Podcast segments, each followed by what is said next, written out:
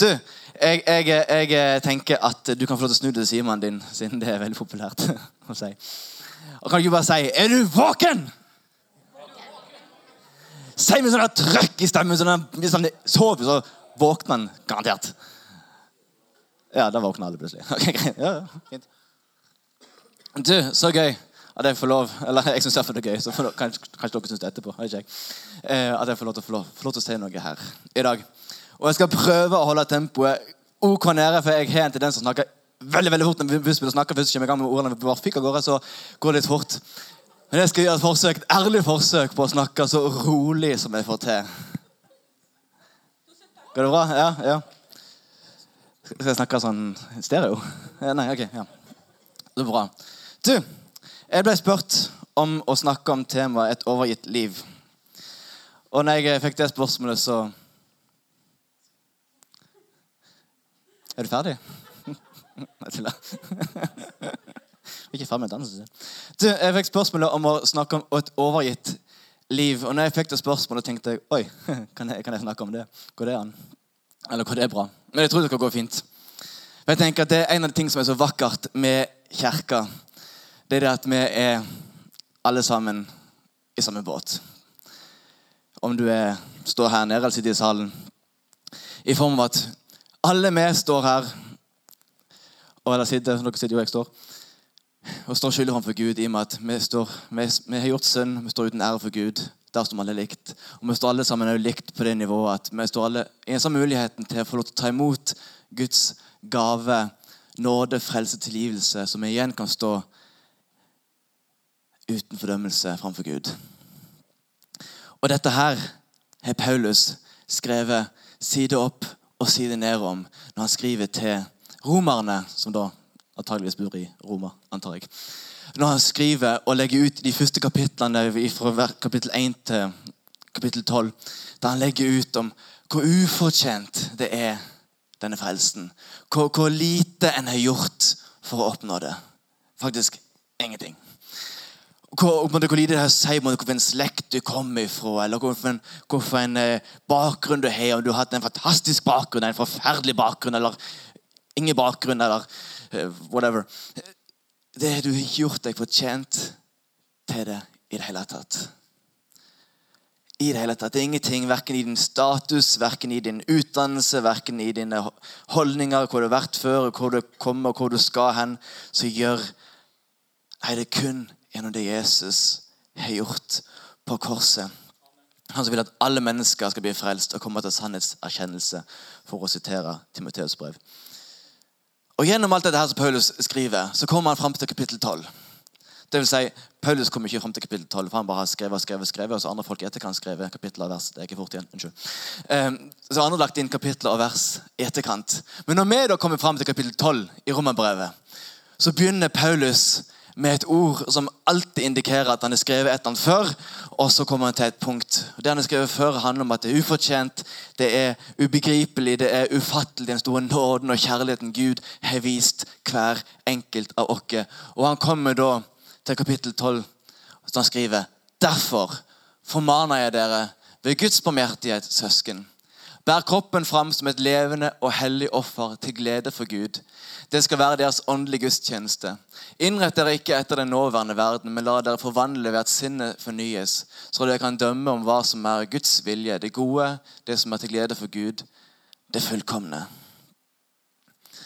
En som heter jeg vet ikke om jeg uttaler riktig, Eguin Peterson, han skrev en parafraseoversettelse av Bibelen. Og da tenker kanskje du hva betyr parafrase? Jo, det skal jeg si deg. Parafrase det betyr at du har oversatt et vers eller en kapittel eller en bok eller hele Bibelen med en, en, eh, en, tanke om å gripe meningen bak teksten.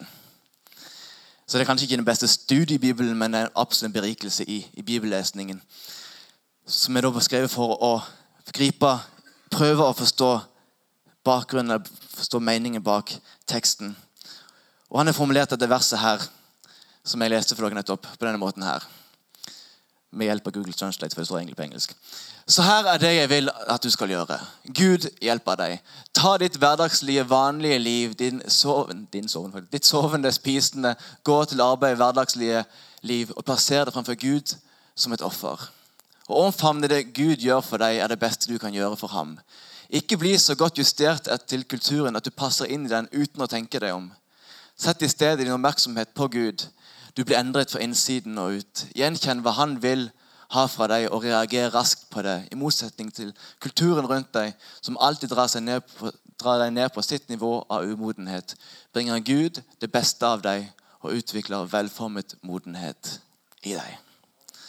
Skal vi be en bønn sammen? Herre, jeg takker deg for at du er til stede her. Der det står i ditt ord at to eller tre er samla i ditt navn. Der er du midt iblant dere. Og jeg ber, Herre Far, selv om ordene kommer ut av min måned, så ber vi at skal komme for ditt hjerte. Så vi kan få se mer hvem du er, hva du har gjort, og hva det betyr for vårt liv. For vi vet at ditt ord det vender aldri tomhendt tilbake. Men du går ut, og det gjør det du har ment du skal gjøre.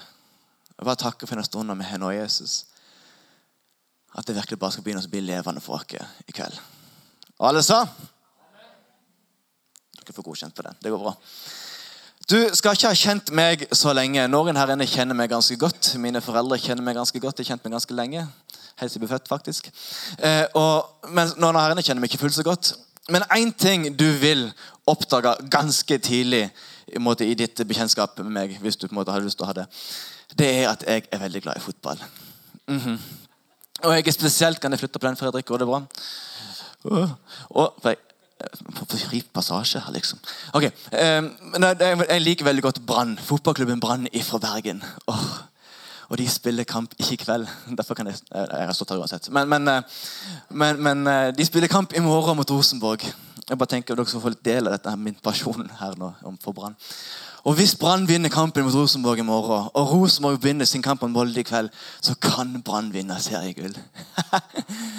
Hvis det blir omvendt, så må vi be. Okay? For da er ikke det så veldig, veldig bra. Men jeg, jeg har hatt en eh, lidenskap på Brann helt siden 2002. Og da holdt Brann på å rykke ned. Så eh, ikke kom og anklag meg for å være medgangssupporter. Det er i grunnen veldig vanskelig å være medgangssupporter når du holder med Brann. egentlig. Men, men, jeg begynte å holde en Brann i 2002. Et år da det var en veldig nær å ned. De spilte sånn kvalifisering, som det heter mot et lag fra en divisjon under. og De som vant den kampen der, fikk å beholde plassen, eller så rykte andre laget opp igjen. Brann vant. Yes. Men jeg begynte å holde en brann da. og mye av min hverdag, mye av min tanke, mye av det som jeg drev og måtte kanse rundt i hodet mitt og i hverdagen min og fritiden min og skoletiden min og alt, dreide seg veldig veldig mye om brann. Så hvis du tenker jeg er gal nå, så var jeg enda verre da. hvis du ikke mener. For jeg var der. Hvis du kan dele uka mi inn i to hvis du vil. Ikke nå, men da. Der på en måte første del, eller du vil si, på en måte etter helga etter Brann har spilt kamp, så mitt følelsesliv var da eh, særdeles prega av hvordan resultatene gikk i kampen som hadde vært. Det du både nærmte deg en eller annen plass der du på en måte kan midten av uka vet ikke hva det er, halvveis ut onsdagen. Eh, der på en måte stemningen i hodet begynte å vri seg litt mer mot kampen som skulle komme. Spenningen mot den. Og så bygde også spenning, spenning, spenning. Kamp, seier, yeah, tap. Og så var det følelsesmessig eh, sånn, nede der hvis de tapte, og så var det spenning opp igjen, eller opp der, spenning ned igjen. Altså, hele min hverdag, alle mine følelser, mine tanker gikk rundt Brann. Kan ikke det stemme? Jo, takk. Ja. Mine foreldre sitter i midten. Jeg måtte bare få en anerkjennelse nikk fra min mor. Men det stemmer at jeg var, var helt der. Og jeg kan fortsatt være der at det preger meg, men ikke i så stor grad som da. Men fotballinteressen min er det jo slett ikke noe galt med. Jeg, jeg tenker Fotball er veldig gudsfryktig sport. Av alle viktige ting i verden så er fotball det viktigste. Til og med paven sagt. Men problemet Eller problemet, det er ikke et problem. Men min påstand som jeg vil gi til dere her i innledningen, er at det meg og deg til enhver tid plasserer i sentrum av vårt liv, vil påvirke alle sider ved vårt liv. For det trenger ikke være en negativ greie som jeg har plassert i midten av mitt liv. Det kan være noe som er bra i seg sjøl.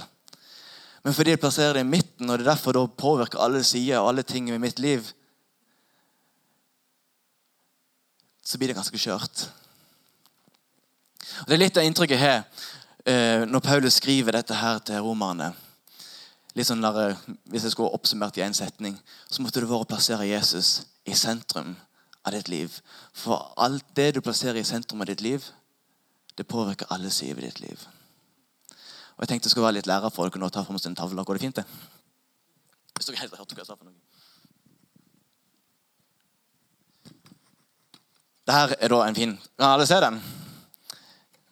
Kim André, du ser den. Jeg er så glad Kim André, for du bare bekrefter alt det jeg sier.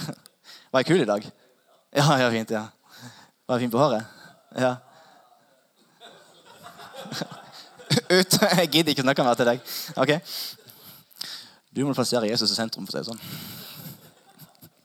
Men ok. Vi har alle her inne har et liv. Du er enig med meg det? Så langt. Okay, ja.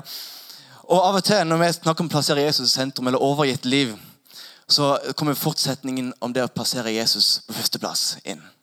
Og Jeg er i og for seg veldig enig i den setningen om å plassere Jesus på førsteplass i mitt liv. At Hvis jeg skal rangere mitt liv, hvis jeg skal på en måte begynne på toppen og gå nedover hva jeg på en måte prioriterer, hva jeg på en måte setter først, så er det logisk at ja, jeg setter Jesus på førsteplass. Liksom, litt, litt sånn, problemet i mitt hode er da liksom, rangeringen i mitt liv. Hvor jeg plasserer jeg på andreplass, hvor plasserer jeg på tredjeplass, og hvem i verden får æren av å komme på femteplass i mitt liv? Eller hvor vil jeg egentlig si sånn i praksis om å plassere Jesus på førsteplass? Vil du da si at jeg på en måte før jeg går på jobb, sin jobb det kommer sikkert ned på tiendeplass en plass, eh, ikke jeg. Eh, ikke jeg. Så Hvis jeg da skal tenke at, måte, at, Jesus er først, og så kommer jobb en plass nede for, der en plass, så for at jeg skal prioritere Jesus først i mitt liv, så må jeg når jeg står opp på morgenen, som jeg har lest litt i Bibelen og bedt en bønn for å måtte sjekke det av. Check, jeg har plassert Jesus først, og så gjør jeg alle de andre tingene etterpå. Måte, fordi når jeg rangerte løpet min hver dag.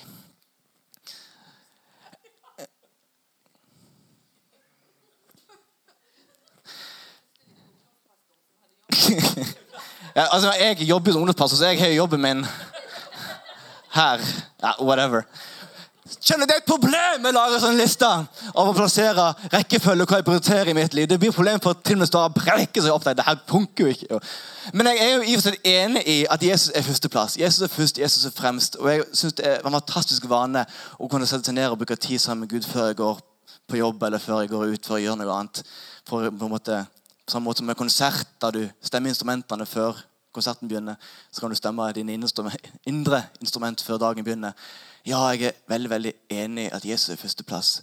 Men min tanke greier på en annen måte å omfavne i større grad tanken at når jeg plasserer Jesus i sentrum av mitt liv, så handler det ikke bare om at jeg har rangert Jesus først og passer på at i alle ting jeg gjør, så, så jeg har prioritert Jesus først. Men at i alle ting jeg gjør, så får Jesus prega ulike sider ved mitt liv. Om det skal være jobb, om det skal være familie, om det skal være venner, om det skal være fotball Halleluja. Om det skulle være enn hva det skulle være for noe du på en måte tenker ditt liv inneholder så kan det være ja, Jesus er på førsteplass. ja. Men jeg tenker Jesus skal være i sentrum. Sånn at alle sider av mitt liv preges av at Jesus er herre i mitt liv. Går det fint? Så bra. Fordi alt det jeg For det jeg til enhver tid plasserer i sentrum av mitt liv, påvirker alle sider med mitt liv. Og jeg tar meg sjøl i at jeg av og til må rejustere hva jeg har sentrum i mitt liv. Det er ikke sånn at jeg hver morgen, hver dag, hver uke alltid på en måte vet at yes, yes, det er alltid sentrum. Jeg tror derfor Paulus skriver dette til romerne. Fordi jeg oppmuntrer dere, eller formaner dere til igjen og igjen Hva er det som er sentrum i ditt liv? Hva er det som, som på den måten får til å påvirke enhver side av ditt liv? Er det fotball? Det er ikke noe galt med fotball i seg sjøl heldigvis. Men for det å være sentrum og påvirke alle sider i mitt liv, så blir det ganske skjørt. Men får jeg Jesus i sentrum av mitt liv, så får det påvirke alle sider i mitt liv på en helt annen måte.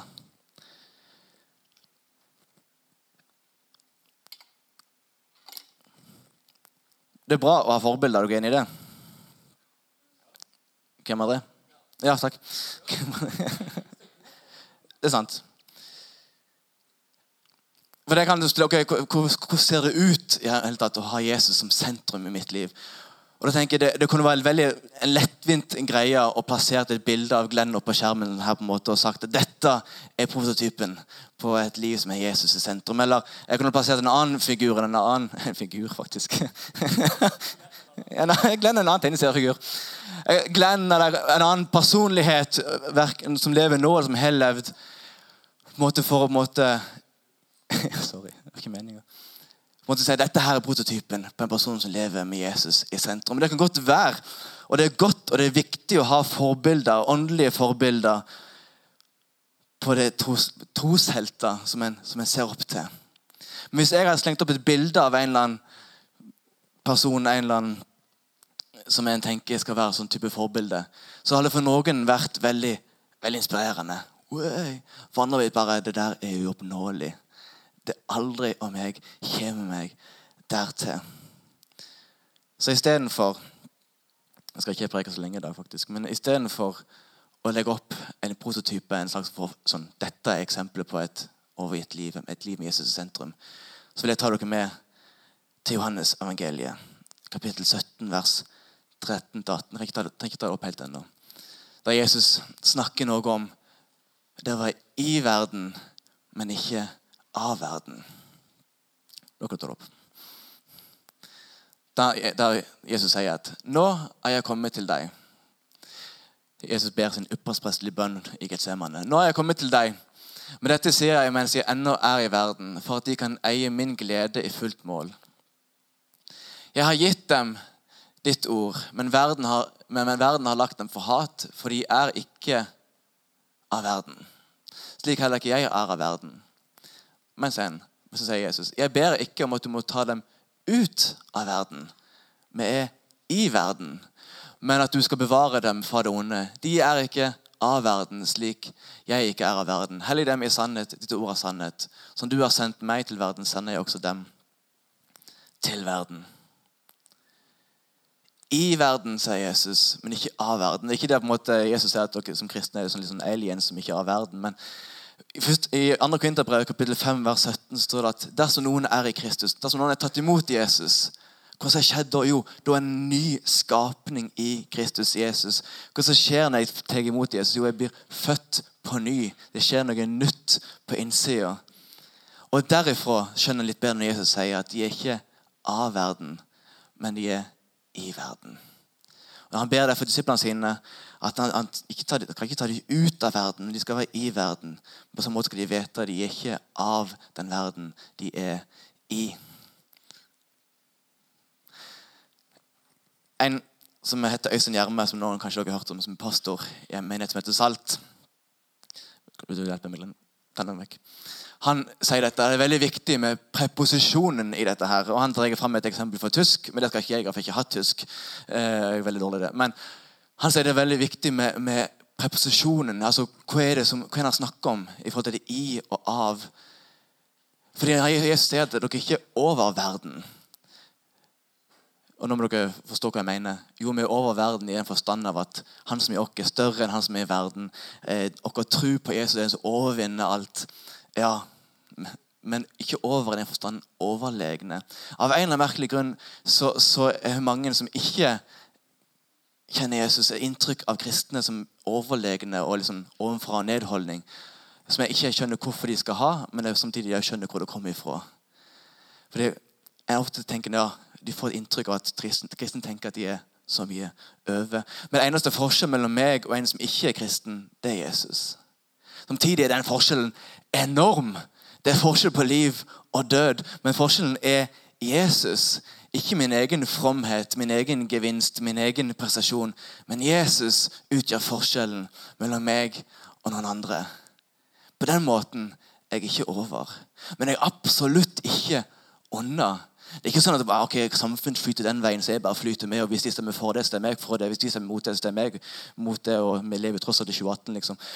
Nei, vi er iallfall ikke unna. Men vi er i.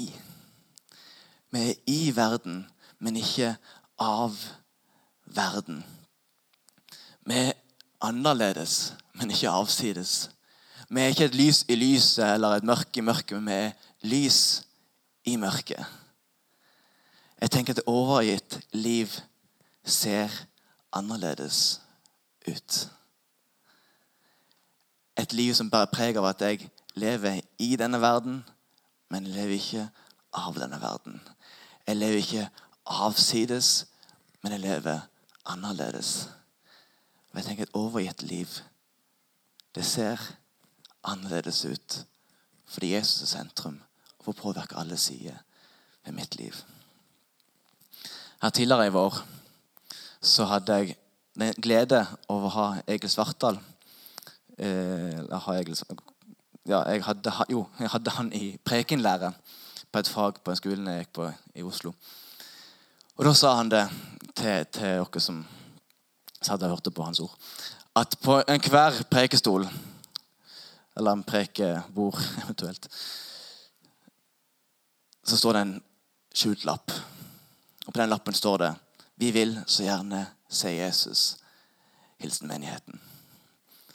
For det er som taler eller predikanter, eller hva man skal kalle seg selv, så blir det veldig lett for en å prøve å tar så mye plass at det er vitsen en prøvde å gjøre i begynnelsen, folk husker, istedenfor Jesus. Derfor vil jo forhåpentligvis min bønn og min drøm og min tanke være at i det jeg sier, så skal ikke folk sitte igjen med alt jeg eventuelt jeg sa, men sitte igjen med Jesus. At Jesus blir synlig gjennom det jeg sier og det jeg gjør. Og Det tenker jeg, det kan jeg ta ifra herifra og ta ned i vår hverdag. At om bare Jesus kunne blitt synlig på en eller annen måte. At når jeg forlater et rom, jeg har hatt en samtale eller blant kollegaene, blant vennegjengen min, eller fotballtreningen eller på familieselskapet, eller hvor det skulle være henne, at måte, folk sitter igjen med et inntrykk av Jesus på en eller annen måte. Og Det var gjennom at jeg konkret fikk dele evangeliet og sagt at jeg tror på Jesus. Jeg, og Derfor gjør jeg det. Eller om det var fordi jeg fikk delt et ord i rette tid som bare Gud ga meg. og fikk gitt det. Eller om jeg bare var i en eller annen samtale jeg fikk lov til å vise litt omsorg. Og fordi Gud er i meg, så kan den omsorgen bli mye sterkere enn det jeg får til i meg sjøl. Eller om det var bare var at jeg var til stede der i rommet. at jeg, Samme hva det egentlig var for noe som gjorde det. Men at på en eller annen måte skal Jesus bli synlig i min hverdag. Jesus blir synlig gjennom det jeg sier. Jesus blir synlig gjennom det jeg gjør. Sånn at folk har et inntrykk av Jesus etter de har snakket eller bekjent med meg. Og Da kan jeg gjerne tenke deg at ja, det funker veldig fint på mine gode dager. Det funker veldig fint når jeg på en måte får livet til. Det funker veldig fint når ting bare går glatt, og når jeg sa de rette tingene og gjorde de rette tingene. Når livet er topp, når alt går bra og det er min beste dag, da kan det fungere. Da kan jeg være til stede sånn at mennesker kan, kan, kan se Jesus gjennom meg. Og Det er jo bra det da, at, at ting kan gå godt av og til. Samtidig sier Bibelen at Guds kraft og hans kraft fullendes gjennom vår skrøpelighet. At til og med mitt unnskyld etter jeg sa noe jeg ikke skulle ha sagt, kan gjøre Jesus like synlig som min tilgivelse etter at jeg sjøl ble såra. For at i min skrøpelighet blir hans kraft fullendt. For når Jesus er sentrum i mitt liv, så påvirker det alle sider, alle områder i mitt liv. Til og med de skrøpelige. For ditt overgitt liv ønsker å gjøre Jesus synlig. Jeg kan også si at et overgitt liv, eller et overgivelse, ser ut som takknemlighet. Det var en professor i Det nye testamentet som sa dette her. Og det er bare professorer som sier sånn, for det høres egentlig veldig rart ut. Men jeg skal prøve å gi det mening. The New Testament religion is grace, and its ethics is gratitude. The New Testament's religion is grace, and its ethics is gratitude. Altså Den nytestamentlige tro, om du vil, er nåde, og dens etikk er takknemlighet. Og En kan jo sikkert kjøre det sitatet ut i mange slags skriftekanter. Men jeg tror ikke det handler om det poenget hans tror ikke det handler om at, at ja, så lenge du er, takknemlig, så er du Jesus i sentrum. Jeg tror det handler om at akkurat det Paulus nettopp lagt fram Fordi det fins en ufortjent kjærlighet, en uforståelig nåde, så fører det til en takknemlighet. Og det er akkurat som nå ringen måtte bli slutta da vi begynte, fram til nå. For Det er nettopp det Paulus har gjort. Han har bare lagt ut om den nåde som er så ufortjent. Den, den kjærlighet som, som, er så uendelig, ufattelig, overveldende stor. Som fører til en takknemlighet. Og derfor, hvis jeg kan få det verset opp igjen Daniel. Og derfor det verset i forbindelsen. Så derfor Så her er det jeg vil du skal gjøre. Ut ifra en takknemlighet over den nåde, den kjærlighet, den ufortjente gaven. Så, det, der, så her er det jeg vil du skal gjøre. Gud hjelpe deg. Ta ditt hverdagslige, vanlige liv, din sovende, spisende, gå til arbeid og hverdagslige liv, og plassere det fremfor Gud som et offer. Å omfavne det Gud gjør for deg, er det beste du kan gjøre for ham. Ikke bli så godt justert til kulturen at du passer inn i den uten å tenke deg om. Sett i stedet din oppmerksomhet, oppmerksomhet på Gud. Du blir forandra fra innsida ut. Gjenkjenn hva han vil gjøre for deg, og reager raskt på det. I motsetning til kulturen rundt deg, som alltid drar deg ned til sitt nivå av umodenhet, bringer Gud det beste ut av deg og utvikler et velformet modenhet i deg. Så kan lovsangen få til å komme opp. Det står det som sier i Johannes kapittel 15, vers 4, så sier Jesus dette. Og da trenger jeg så Bli i meg, så blir jeg i dere. Slik som grenen ikke kan bære frukt av seg selv, men bare hvis den blir på vintreet. Slik kan heller ikke dere bære frukt uten at dere blir i meg.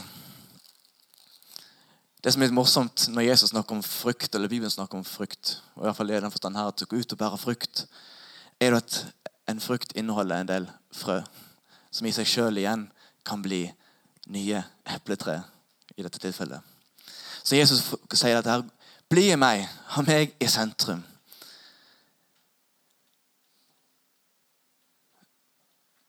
Slik som greien ikke kan bære frukt av seg selv, men bare hvis den blir på vintreet, slik kan heller ikke dere bære frukt uten at dere blir i meg. På samme måte så aner vi heller ikke. Utover det vi, sår blant våre venner, det vi sår på vår arbeidsplass, det vi sår i vår familie, det vi sår i vår vennegjeng, det vi sår på våre fritidsaktiviteter. Gjennom et liv med Jesus i sentrum så aner jeg ikke den frukten, det jeg har sådd ut, hva det kan bli til. Det kan bli til nye epletrær. Det kan bli menneskers liv forvandla. Det kan bli liv som har vært mørke, som blir lyse. Det kan være liv som har vært håpløse, som får håp. Og grunnleggende kan være liv som var fortapt, men som ble redda. Fordi jeg plasserte Jesus i sentrum i mitt liv, som påvirker alle andre sider i mitt liv. Og gjennom det Og jeg lever et annerledes liv og gjør han synlig ut ifra takknemligheten over det han har gjort for meg. så kan vi få lov til å leve et overgitt liv til Han. Amen.